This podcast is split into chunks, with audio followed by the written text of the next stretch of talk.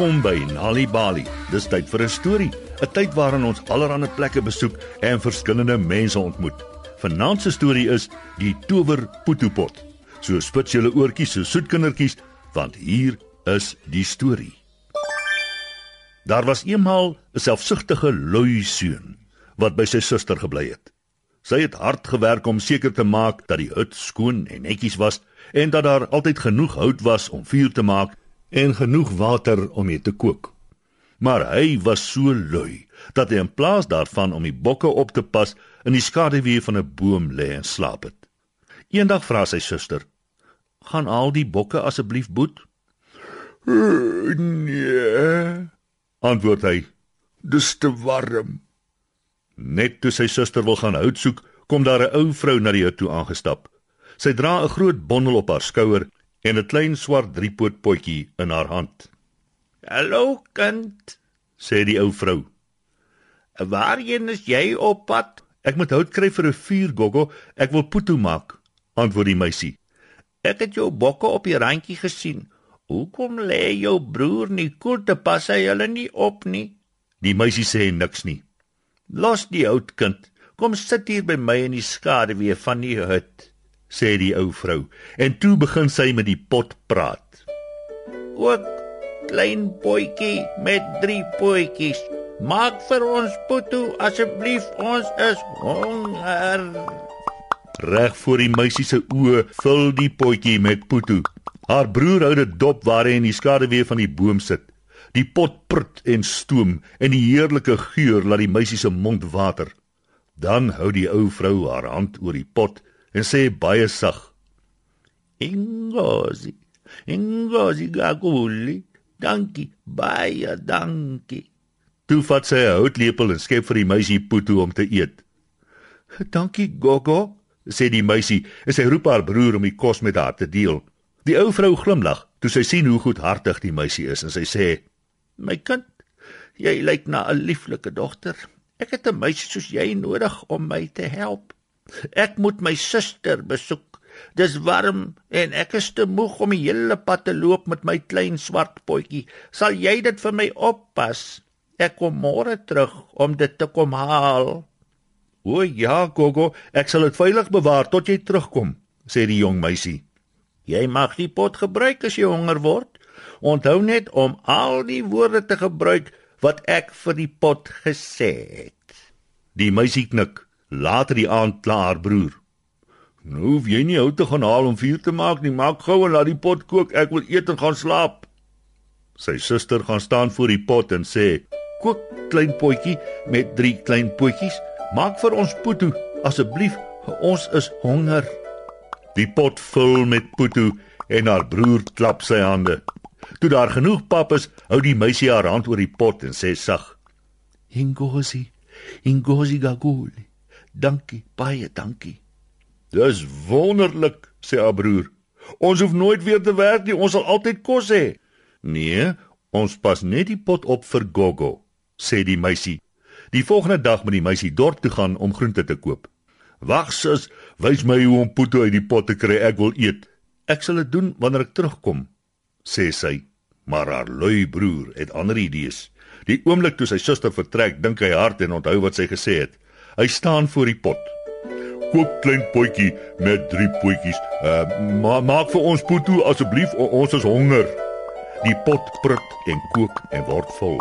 Hy is so gulsig dat hy dadelik begin eet en vergeet om die pot te bedank. Dus hou die pot aan met kook en maak al hoe meer putu. Dit mors oor die kante op die grond. Hou hou op kook, sê die seun bang. Maar dit is natuurlik die verkeerde woorde. Meer en meer putu mors uit die klein potjie op die grond. Hou op, hou op! skree die seun. Die putu versprei na die hut toe. Dit versprei na die boom toe. Dit stroom met die paadjie af en begin met die rivier afvloei in die rigting van die dorpie. Die seun hardloop na die boom toe, klim tot heel bo en skree om hulp. Net toe keer die ou vrou terug om haar pot te kom haal. En terselfdertyd kom sy suster terug van die dorpie af. Beide die ou vrou en sy suster sien 'n rivier gevul met putu. Hulle sien die seun aan 'n tak van die boom hang en hulle sien hoe die potjie prut en meer en meer putu maak. Die ou vrou hou haar hand oor die pot en sê sag: "Engosi, engosi gaguli. Dankie baie, dankie." Uiteindelik hou die potjie op met kook.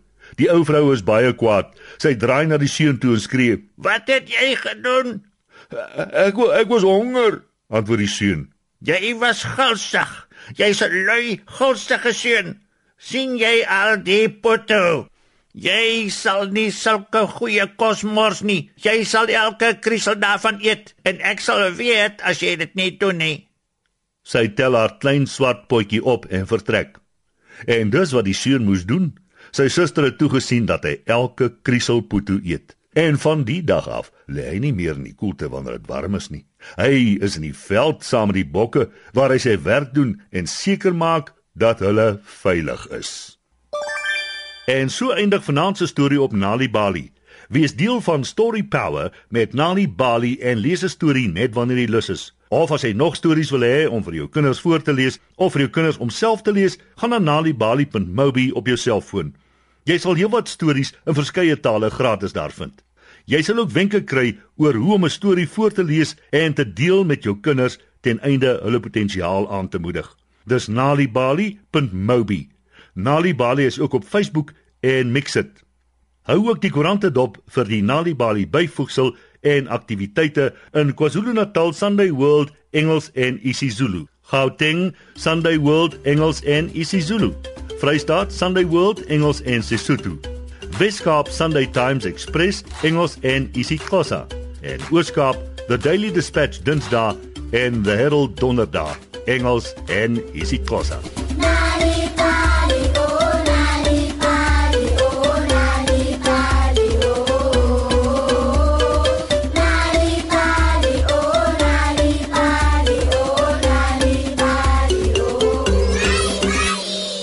En die jong span kry nou weer 'n beurt met Kaboomilis. Kaboomilis vanmiddag en Kaboomilis is rond. Daar se kos huis in die Kaap. 'n 10, 'n 6 vir kos en slaap. 'n Dingeling die klokkie lui. 'n Dingeling en almal stry. Wys die kelner wie bedien. Bring die spyskaart laat ons sien. Sit maar aan, sit of staan. Maak jou reg hier kom met aan. Kaboom kaboom, kaboom milis, kaboom milis, kaboom milis, kaboom milis van môre en kaboom milis vanaand, kaboom milis vanmiddag en kaboom milis vanaand, kaboom, kaboom, kaboom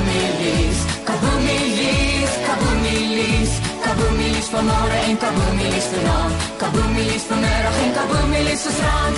Een nag het 'n gawe oom. Vroeg gaan slaap en lank gedroom, gou water oom se mond. Droom van skatte in die grond. Word toe wakker gryp 'n pik.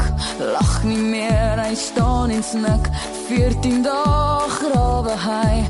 Kyk net wat het hy gekry. Kaboom kaboom kaboom milis kaboom milis kaboom milis kaboom milis van môre en kaboom milis vanaand kaboom milis vanmiddag en kaboom milis vanaand kaboom kaboom kaboom milis kaboom milis kaboom milis Kaboomies van môre en kaboomies vanaand. Kaboomies vanmiddag en kaboomies gisterand. Letty letty aan my sy, 14 jaar na haar gevry. Voor die kansel staan ons nou. Ek en Let wat plegtig trou. Buite op die trappie staan. Haar familie, my geslag. Geen konfetti om te gooi. Waarmee gaan ons twee strooi?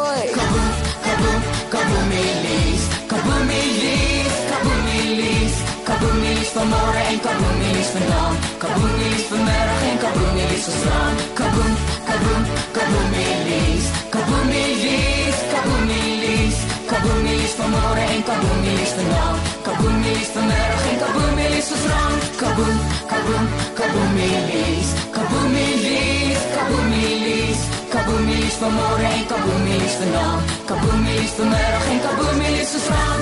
Kaboomies gesing deur die jongspan.